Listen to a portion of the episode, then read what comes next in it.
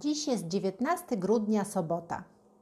Otwierasz drzwi z numerem 19 i dowiadujesz się, że czasami strata może okazać się dla nas wybawieniem od dużo większych kłopotów.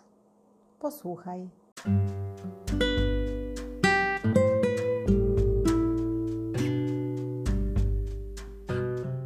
To jest podcast opowiadania adwentowe, a to jest opowiadanie o rozbitku.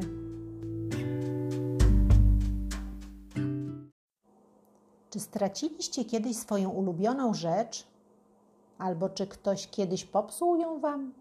Coś, co bardzo lubiliście? Czy bardzo chcieliście coś mieć lub gdzieś pojechać, a to się nie wydarzyło?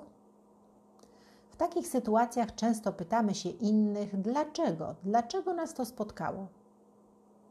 Wiele lat temu pewien człowiek trafił na bezludną wyspę. Był rozbitkiem ze statku i uratował się tylko on.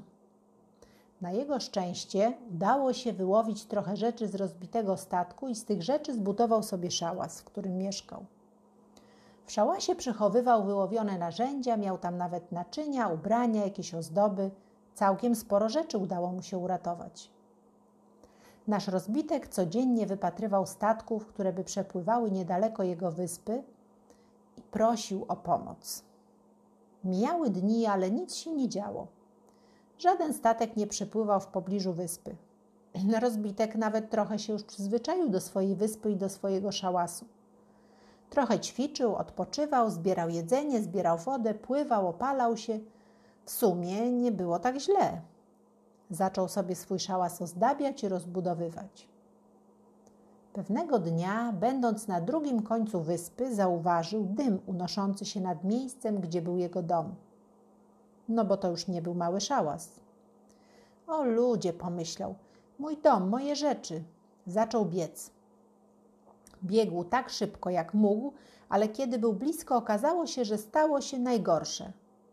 Jego dom i wszystkie rzeczy, które były w środku, spaliły się. Jego ubrania, jego narzędzia, ozdoby, które ostatnio wyrzeźbił z drzewa, łódki z dywan z liści, wszystko poszło z dymem. Był zrozpaczony. Pytał się, dlaczego, dlaczego to się wydarzyło. Ale wkrótce zrozumiał. Trochę później, tego samego dnia, na horyzoncie pojawił się statek. Dobił do wyspy i uratował go. Marynarze powiedzieli rozbitkowi, że mieli inny kurs, ale z oddali zauważyli dym i pomyśleli, że to sygnał o pomoc. Pamiętaj, czasami jakaś strata może okazać się dla nas wybawieniem od dużo większych kłopotów.